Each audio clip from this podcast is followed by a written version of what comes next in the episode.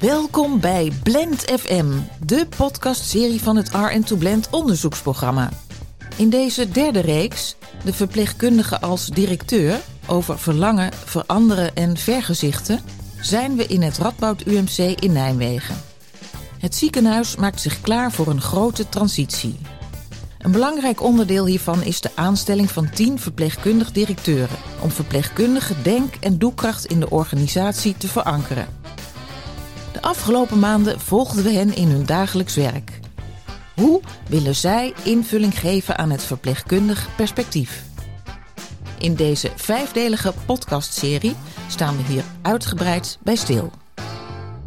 Ja, en welkom bij alweer de derde aflevering, uh, waarin we het verpleegkundige werk in het Radboud UMC in al haar verschijningsvormen centraal zetten. Zoals al eerder genoemd is er een grote transitie gaande in het ziekenhuis.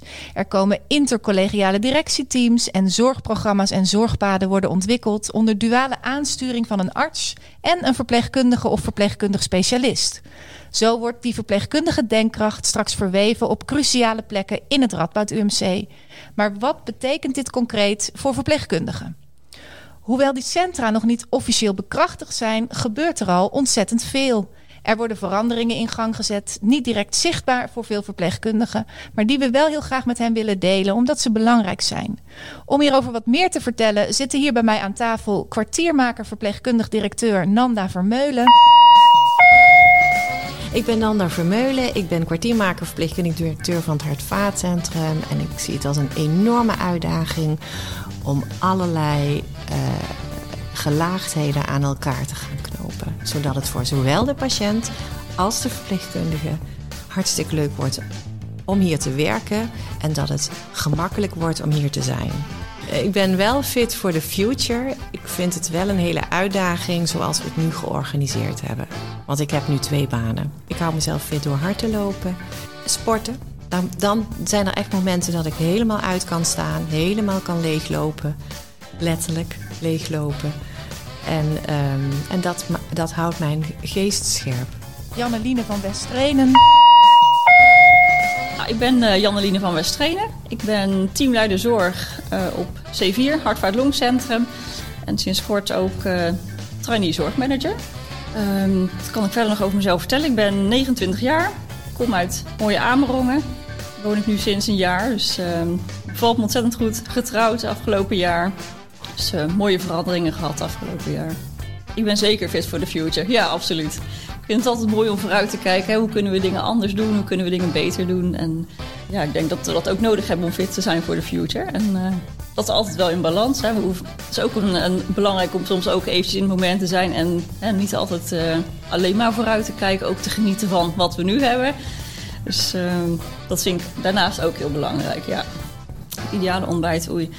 Ja, mijn ideale ontbijt is eigenlijk gewoon uh, vers fruit. Sinaasappel en een kiwi. Ja, en daar uh, start ik mijn dag op. Um, mijn fruit wordt klaargemaakt s ochtends, dus uh, dat wordt door mijn man gedaan. Nee, we hebben geen standaard man-vrouw verdeling of iets dergelijks. Nee. En verpleegkundig wetenschapper en VAR-lid Cariline Rozen. Ben uh, Caroline Rozen. Ik werk als uh, verpleegkundig wetenschapper op het endoscopiecentrum uh, van het Radboud. En daarnaast ben ik bestuurslid voor de Verpleegkundige en Paramedische Adviesraad. Um, en dat is ook de reden waarom ik bij deze podcast aanwezig ben. Ik ga, van de zomer ga ik mijn Duits een beetje op, ga ik weer opnieuw leren. omdat ik graag in Duitsland en Oostenrijk op vakantie ga heeft niks met het werk te maken. Maar misschien ook wel. Nijmegen is een uh, ziekenhuis dichtbij Duitsland. En uh, soms is het ook wel goed om ook wat Duits te kunnen. Ja. ja. ik vind het altijd wel leuk om nieuwe dingen te leren. Ik heb uh, vorig jaar geleerd om te zeilen in de coronatijd. omdat je toch niet zo naar het buitenland kon. Dus ik heb wat zeillessen genomen. Um, ja, en ook gewoon iedere keer weer nieuwe dingen doen. Dat vind ik leuk. Ja. Toen ik op reis ging naar, uh, naar Patagonië, ging ik met een groepsreis. Fantastisch. Maar dat vond ik wel heel spannend, omdat, dat, omdat ik dat in mijn eentje ging doen. Uh, ja. Dus dat was wel, uh, wel bijzonder. En, en dat is heel goed bevallen. met allemaal gelijkgestemden in het prachtige Patagonië rondwandelen en bergen beklimmen en mooie dingen zien. Ja. Welkom alle drie.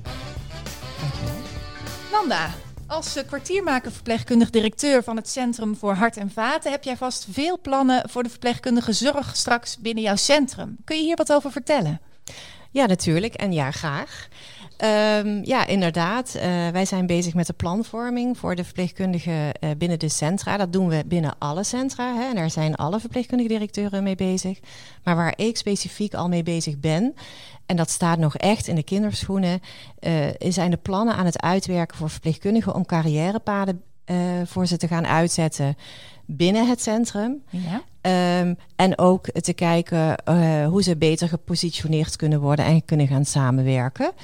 Um, daarnaast is wat je al aangaf, hè, uh, de positie binnen de zorgpaden uh, wordt belangrijker. En ik ben ook heel erg bezig met uh, hoe kan ik nu de verpleegkundigen meenemen in deze transitie, zodat het niet een, een, ehm, een verandering is die hoog over alleen maar blijft. Hè, en alleen maar met, met uh, in de kantoren wordt besproken, mm. met directies en dergelijke. Maar dat iedereen weet wat we veranderen, waarom we het veranderen en wat het voor ze betekent.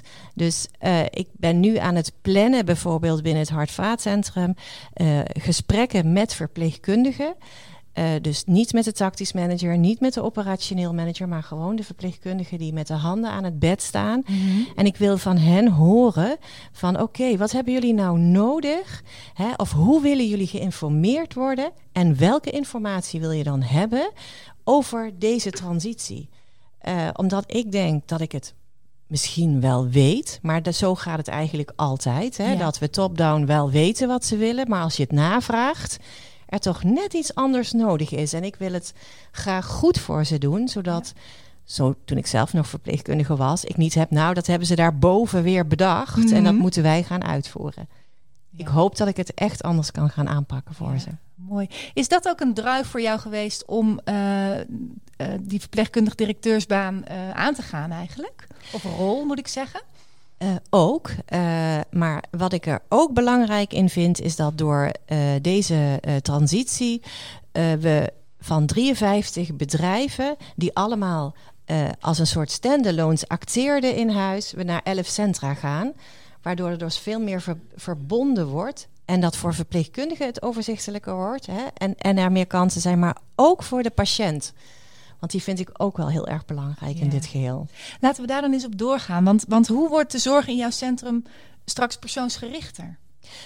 Nou, wat we ook in onze uh, notitie hebben geschreven, is dat we de patiënt niet meer door willen verwijzen. Wat nu vaak gebeurt, van als ze bij op plek A zijn geweest bij dokter A, ze worden doorverwezen naar dokter B, maar dat we ze door gaan behandelen en dat we daar schotten weghalen uh, en zeggen van ja, u gaat niet ergens anders naartoe, maar er komt een andere zorgverlener die u verder helpt. Uh, ik hoop dat dat voor patiënten ook meer rust gaat geven. -hmm. Uh, en de zorgpaden die worden ontwikkeld, uh, worden ook voor patiënten heel overzichtelijk van ik heb aandoening A en bij aandoening A hoort pad A. Ja. En dat betekent dus dat dit mij te wachten staat, want dat kunnen we uitschrijven en dat kunnen we ze laten zien. En dat maakt, denk ik, dat geeft heel veel rust aan de patiënt, ook aan zijn mantelzorger, want die ja. daar ook in mee kan kijken en ook weet waar ze aan toe zijn. Jij werkt op dit moment als zorgmanager binnen het Amalia, toch? Klopt. Daar werken jullie al met zorgpaden, of niet? Daar zijn, ja, daar zijn we iets verder, maar dat, dat staat echt allemaal nog wel in de kinderschoenen. Okay. Want het vraagt heel veel. Een zorgpad bedenken is één. Uh, een zorgpad inbouwen in de systemen is twee. Mm -hmm. uh, en het dan nog met medewerkers goed gaan bespreken is drie. Dus het zijn wel grote stappen die we moeten nemen. Het Centrum voor Oncologie ja werkte in ketens die heel erg lijken op zorgpaden. Okay. En daar zijn ze echt al verder. Oké. Okay. En daar ook naar tevredenheid, denk ja, ik. Ja, en ja. met name ook tevredenheid voor patiënten. Ja, kijk, dat is mooi. Uh, en, en jouw centrum is nog in oprichting. En je vertelt, ik ben al heel erg bezig met uitdenken. Carrièrepaden noemde je, kansen voor verpleegkundigen. Je wil aanwezig zijn op die werkvloer en echt van verpleegkundigen horen wat zij nodig hebben. Hè? Dus niet... Ja vanuit de directie dat ze zeggen, ja, zij weet eigenlijk niet waar het over gaat. Precies. Um, Dit centrum is een oprichting, maar, maar ehm, jij zit al aan tafel op plekken waar normaal geen verpleegkundigen zitten. En in Ja. een voorgesprek vertelde je ook dat je daar wel het verschil kan maken. Eh, Ja. Vertel. Ja, klopt. Ehm, ik ben eh, eh, toegevoegd aan, aan het medisch beraad. En het medisch beraad zegt het al in de titel. Daar zitten alleen maar medici aan tafel. En als voorbeeld, er was een, een probleem op een afdeling waar ik bijgeroepen ben. Vanuit het medical department, om het maar in de nieuwe termen te noemen. En eh, dat, daar was ik eigenlijk al heel blij bij, mee. Dus ik ben daar gaan, naartoe gegaan en ik heb gevraagd... jongens, wat is het probleem? Nou, daar zat een probleem in de supervisie. En Ze waren, de verpleegkundigen waren ontevreden over de supervisie van de artsen. Oké. En eh, dus ik zat in dat medisch beraad en eh, toen ging het daar, zei, zei een van de artsen: Ja, ja, er is een probleem met de supervisie. Ik denk dat wij dat even hier op moeten lossen en met elkaar moeten bespreken hoe we dat oplossen. En toen zei ik, joh, eh, goh, mag ik even hier iets van zeggen? En eh, nou, dat eh, mocht. En toen zeiden ze van, zei ik van, nou, is het niet handig dat ik even alle informatie ophaal waar het nou precies het probleem zit? Wat ze nodig hebben om het probleem op te lossen of nodig hebben om het niet meer als een probleem te ervaren. En dan kom ik bij jullie terug en dan kunnen jullie aangeven of jullie kunnen voldoen aan dat wat ze vragen. Kijk. Nou, dat was wel even grote ogen en wat gebeurt hier nou? Eh, waarbij er ook gelijk weerstand kwam van, maar wij moeten toch die supervisie regelen. En, en toen gaf ik aan, dat klopt. Alleen, Mhm. ik ben bang als jullie de oplossing bedenken, we terugkomen en het niet de juiste oplossing is en er weer weerstand is. Ehm, en toen ondersteunde het afdelingshoofd mij en zei: Nou, ik denk dat Nanda wel gelijk heeft. En ik denk dat we deze weg even moeten bewandelen. om tot een goed eindresultaat te komen. Dus dat was echt wel heel mooi om te zien. Ja. Klinkt ook wel als eh, je, je zit daar aan tafel met al die mensen, je staat ervoor. En, en voor verpleegkundigen misschien ook wel goed om te horen hè, dat alhoewel het, het, het ver weg van de werkvloer gebeurt, jij eigenlijk in zo'n, in zo'n kamer wel zegt: jongens, laten we die verpleegkundigen nou eens horen en luisteren wat daar eh, waar te zeggen is. Ja. Ja. ja, ik denk, we waren zulke gescheiden werelden. En we leefden ieder ons eigen leven. Alleen we spraken Engels en Frans tegen elkaar. Of we spreken vaak Engels en Frans tegen elkaar. En ik denk door echt samen te gaan werken. Want ik zie het echt niet als onwil. Maar meer van onwetendheid. Ik weet niet hoe de ander denkt. Of ik denk het te weten, maar eigenlijk weet ik het niet.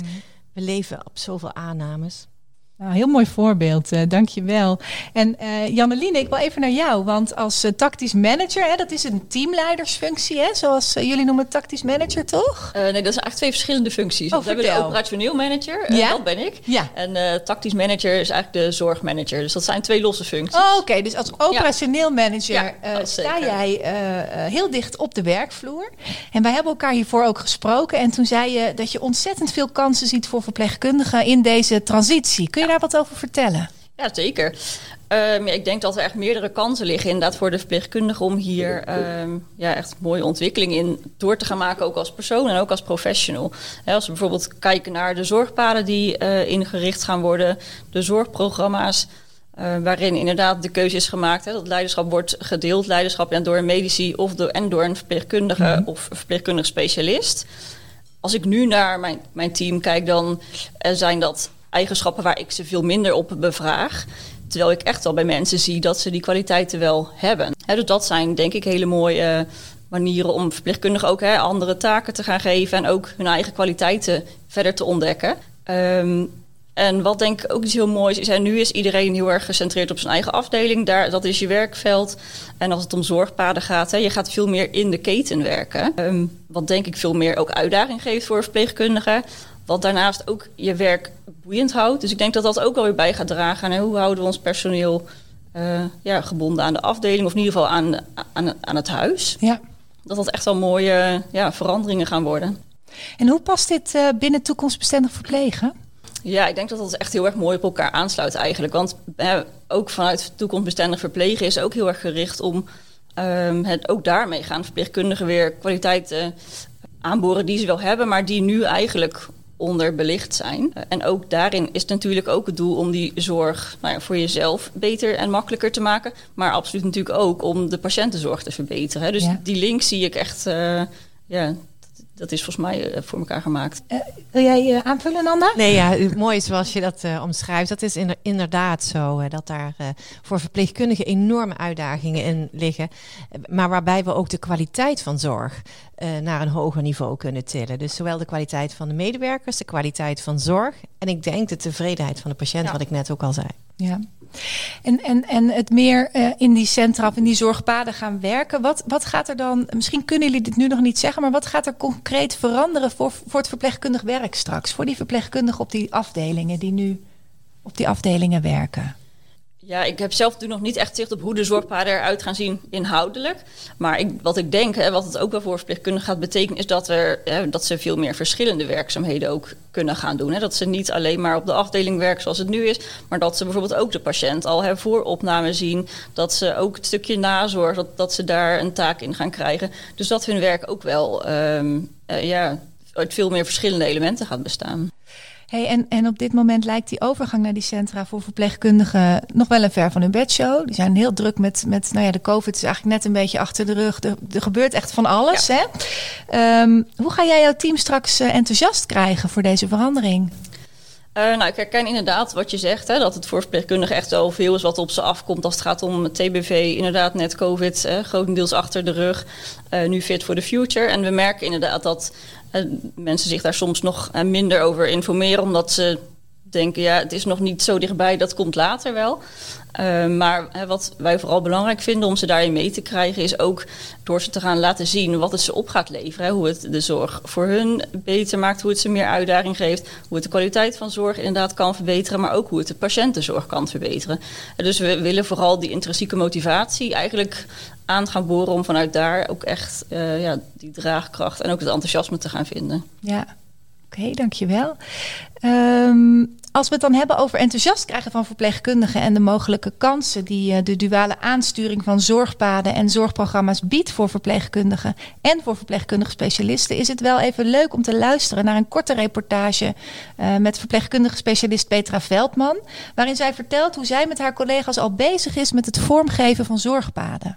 Ik denk dat hier voor verpleegkundige specialisten uh, een hele grote kans ligt om mee te denken in het organiseren van die zorg. Het verpleegkundige specialist is uh, bij uitstek opgeleid uh, als verbinder. Hij spreekt de taal van de medici, van de verpleegkundige en van de patiënt. En kan daarin dus heel mooi meedenken in hoe de patiënt de juiste zorg op de juiste plek kan krijgen. En een centrum wordt geleid door een medisch directeur, verpleegkundige directeur en een uh, bedrijfskundige directeur. En juist met die verpleegkundige directeur kan goed nagedacht worden over uh, wat nou belangrijk is voor die zorg binnen dat centrum. Maar daarnaast ook in de aanloop hè, voor een patiënt naar het ziekenhuis toe. Maar, en in de overgang weer naar de thuissituatie. Dus in, in het hele netwerk van die patiënt kan die verpleegkundige specialist een rol hebben uh, om die zorg mee te organiseren en daar dus ook mee te denken wat een patiënt nodig heeft. Nou, en dan naast hè, zeg maar het organiseren van die zorg en het bieden van die zorg, uh, is een verpleegkundige specialist ook opgeleid om uh, ja, te participeren of zelf onderzoek te doen en onderwijs te geven. En dat zijn natuurlijk ook twee pijlers die belangrijk zijn om zorg te verbeteren. Dus daarin is een verpleegkundige specialist een initiator, een innovator. En daarmee kunnen we die zorg ook weer nou ja, op een hoger plan krijgen. In uh, ons centrum hebben we een soort klankbordgroep gevormd met verpleegkundige specialisten, de teamleider uh, onderwijs, de verpleegkundige wetenschapper en daar hebben we een werkgroepje mee gevormd en ook twee dedicated verpleegkundigen van de werkvloer. En daarmee zijn we een visie aan het uh, beschrijven, in ieder geval de uitwerking van de visie. Wat betekent het nou voor de zorg als je kijkt naar zorg, onderzoek en onderwijs? Wat kan die verpleegkundige beroepsgroep daar nou in bieden? Daar maken we vertaling van, een, een, een, concrete vertaling van, van wat dat nou inhoudt voor die zorg. En daarmee gaan we dan met de verpleegkundige directeur weer in gesprek zodat ze dat mee kan nemen uh, in de verdere uitwerking van, van alle plannen die. Ja, dat was uh, Petra Veldman, die mooi uiteenzet wat de verbindende rol van de verpleegkundig specialist kan zijn binnen zorgprogramma's en zorgpaden. Ze zegt: we spreken de taal van de medici, van de verpleegkundige en van de patiënt. Nanda, hoe luister jij daarnaar? Zag je knikken? Ja. Veel knikken? Ja, ja, dat, ja, dat klopt. Ehm, ja, ik zie hier ook heel erg die verbinding, die, de verbinding die zij leggen en die verbinding die ze ook weer naar mij leggen. Mhm. En die verbinding die ik weer kan leggen. Dus we gaan echt wel van hele solistische eh, gebieden naar echt veel meer samenwerken. Eh, waardoor je denk ik ja, hele mooie uitkomsten kunt krijgen eh, in de verbetering van de zorg. En um, Caroline, dan gaan we even naar jou. Hè. Jij bent lid van de Verpleegkundige Adviesraad, de VAR. En als VAR zijn jullie nou betrokken bij Fit for the Future. Hoe, hoe kijken jullie als, als VAR hiernaar? Ja, uh, dankjewel. Um, wij zien dit als een hele mooie ontwikkeling, omdat het voor de verpleegkundigen een, uh, ja, wij denken een mooie stap voorwaarts is om mee te gaan denken over hoe de organisatie eruit moet zien en over hoe we uh, ook de zorg gaan invullen. Hè? En ik denk dat Nanda net ook al heel mooi vertelde dat je dat, dat, je dat samen doet en dat je daarmee in gesprek gaat. En ik denk dat we uit een heel medisch georiënteerde geschiedenis komen. En het is heel belangrijk dat die verpleegkundige daar weer naast gaat staan en dat we met elkaar die zorg van de patiënt goed gaan, uh, gaan organiseren. Um, dus toen deze plannen kwamen, zijn wij als VAR, ja, wij waren heel enthousiast, zijn heel enthousiast en hebben ook positief geadviseerd daarop. Ja. En jullie houden wel vinger aan de pols volgens mij, hè? Dus ja. uh, wat gebeurt er allemaal? En sturen jullie ook wel eens bij of geven jullie adviezen daarin? Ja, we geven verschillende adviezen. We hebben ook de centrumplannen allemaal uh, ge, uh, ja, beoordeeld en uh, bekeken, met elkaar in gesprek gegaan. We gaan met de verpleegkundige directeuren, of tenminste de kwartiermakers, in gesprek. Um, en natuurlijk ook met de raad van bestuur, want dat is eigenlijk onze, ja, onze doel, hè, dat wij de raad van bestuur um, advies geven over alles wat, wat er speelt in de organisatie. En zeker rondom Fit for the Future. Ja. En, um, en als je dan uh, luistert naar wat er al gezegd is in deze aflevering, er moet op allerlei plekken in de organisatie beweging gaan komen om dat verpleegkundig perspectief steviger neer te zetten. Uh, Janneline vertelde hoe, ga, ja, hoe kan je die verpleegkundigen straks meenemen. Petra vertelt over een werkgroep die zij heeft gevormd. Uh, vanuit onderwijs en onderzoek wordt dat ook gevoed. En wat is nou de rol van de VAR straks om dat perspectief in het ziekenhuis uh, sterker neer te ja. zetten? Ja, dat is een goede vraag. Dat, uh, wij zijn daar als VAR ook nog wel heel erg in aan het zoeken. Want wij denken dat onze rol daarin misschien ook een beetje gaat veranderen. En uh, wij voelen ook wel dat... Um, want ik denk dat dit namelijk hele mooie uh, voorbeelden zijn. En dat we eigenlijk die voorbeelden weer terug moeten laten stromen. Zodat iedereen dat ook als voorbeeld en als rolmodel kan zien. Om daarmee zelf met de afdeling aan de slag te gaan. Um, wij adviseren natuurlijk nu heel erg op het strategisch niveau. En dat zal ook wel, denk ik, onze rol blijven. Uh, maar daarnaast gaan we ook uh, komende tijd weer in een beleidsdag aan de slag om te kijken van hoe gaat die nieuwe rol eruit zien mm-hmm. en uh, hoe gaan wij ons weer positioneren ten opzichte van de verpleegkundige directeuren, van, ten opzichte van de centra, het Patiëntenzorginstituut en de Raad van Bestuur. Ja. Maar dat hebben we nog niet een pasklaar antwoord op. Dat is nog echt wel zoeken. Ja. En dat is denk ik ook niet erg, want volgens mij, hè, dat we hebben we al een paar keer gehoord, dat het gaat om dat we met elkaar weer gaan leren en samenwerken. Dus ja. dat is alleen maar mooi. Opnieuw ja. die verbinding zoeken, ja. wat uh, steeds gezegd wordt. Nanda, als verpleegkundig directeur straks, uh, hoe, hoe, zie jij die samenwerking met de VAR?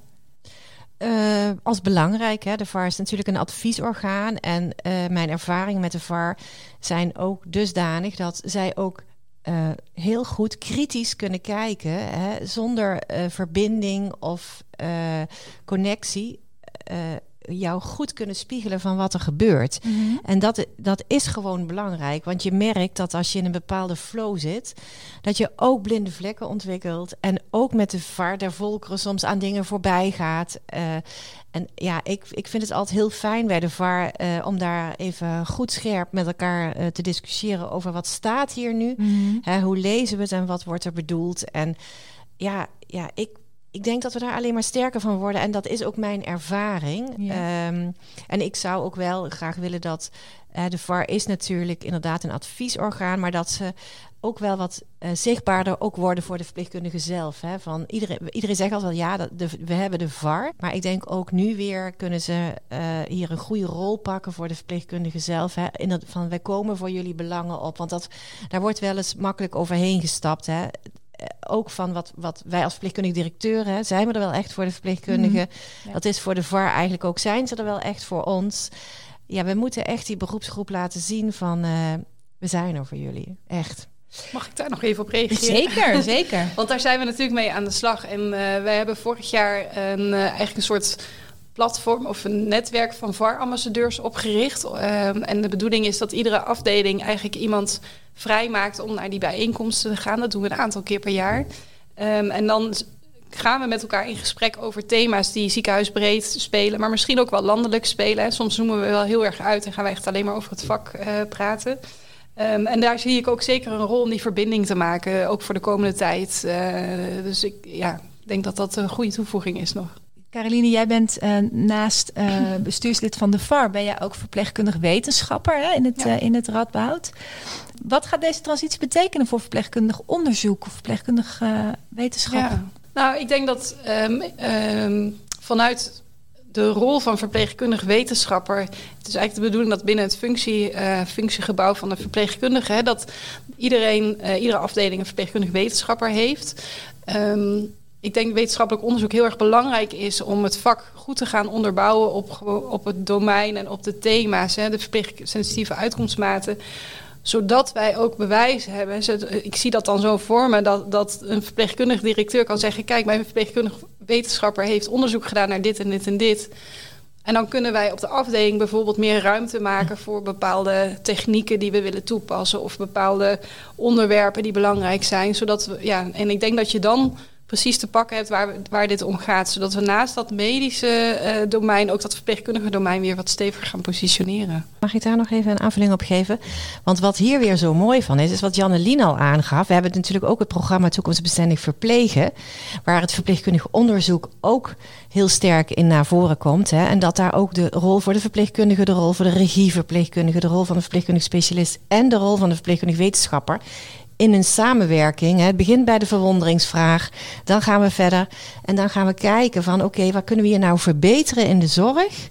En hoe kunnen we dat nou zo goed mogelijk onderzoeken met de juiste methodes, zodat de uitkomsten Hè, dat we daar ook het gesprek over aan kunnen gaan met de medici, die mogelijk wel hun protocol moeten gaan aanpassen. Ja. Nou ja, daarvan zie ik heel erg, hè, zowel toekomstbestendig verplegen als Fit for the Future, dat, dat hier echt dingen gaan rollen, waarbij ook iedereen het wordt, het wordt rol wel vaak gebruikt, maar ook mhm. goed in zijn rol komt.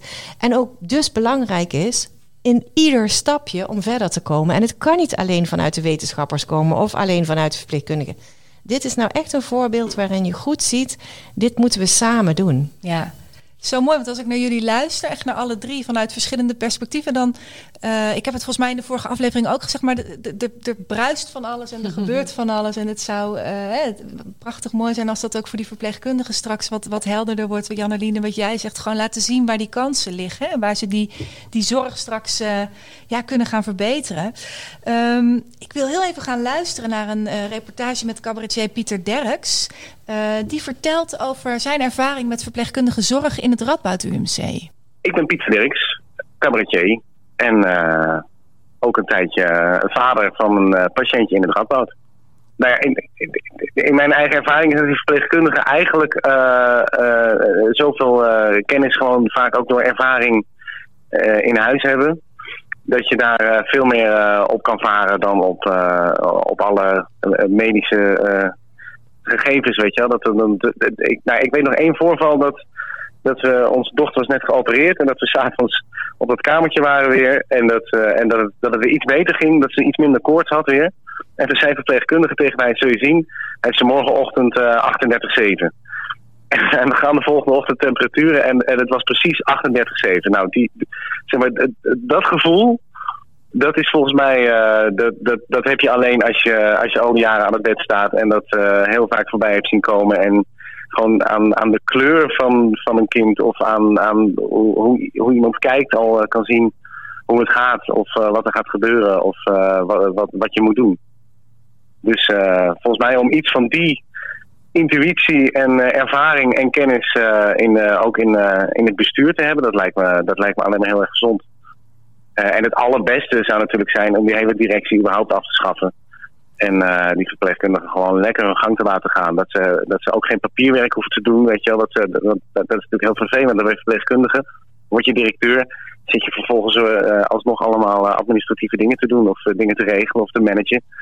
Dus misschien, misschien moet dit de eerste stap zijn. Dat ze eerst directeur worden.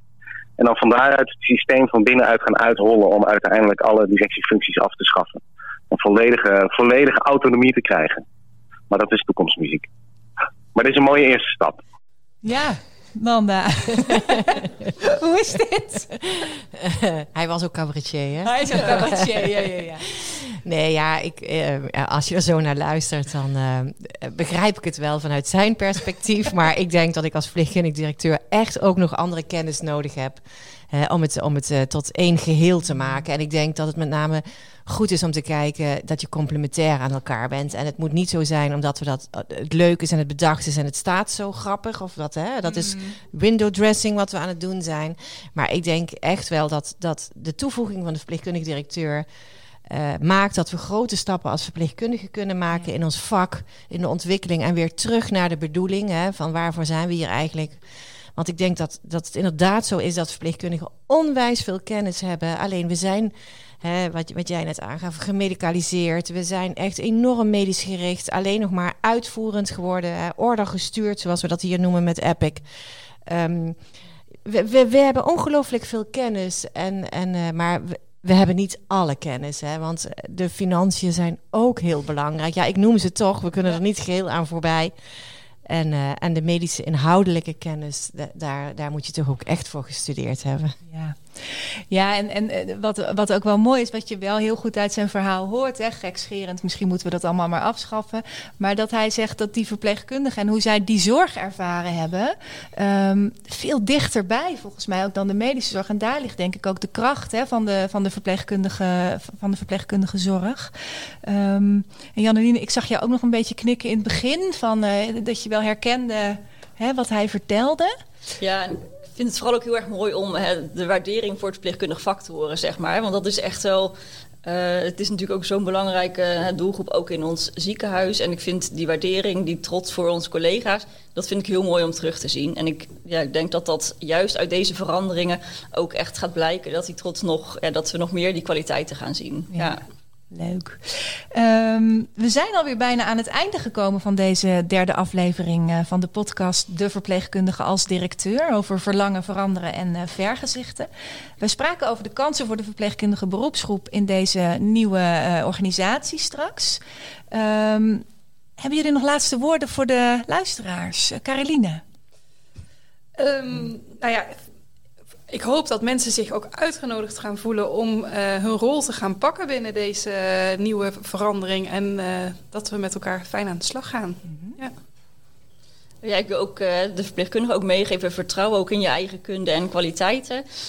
Um, ja, en ga daar ook mee experimenteren. Ga nieuwe dingen ervaren. en ja, ga ook zien wat voor mooie dingen daaruit kunnen komen. Ja. Ja, ik kan hier niet zo heel veel aan toevoegen. Als wel dat je, uh, ik hoop dat iedereen weer gaat ervaren dat we echt het mooiste beroep hebben van de hele wereld. Mooi, dan uh, sluiten we daarmee af. Uh, in de volgende aflevering spreekt mijn collega Pieter Bas met het driehoofdig directieteam van het Centrum voor Hersenen en Zintuigen. En zij praten dan over besturen bij verandering. Dank jullie wel, alle drie. Graag gedaan. Graag gedaan.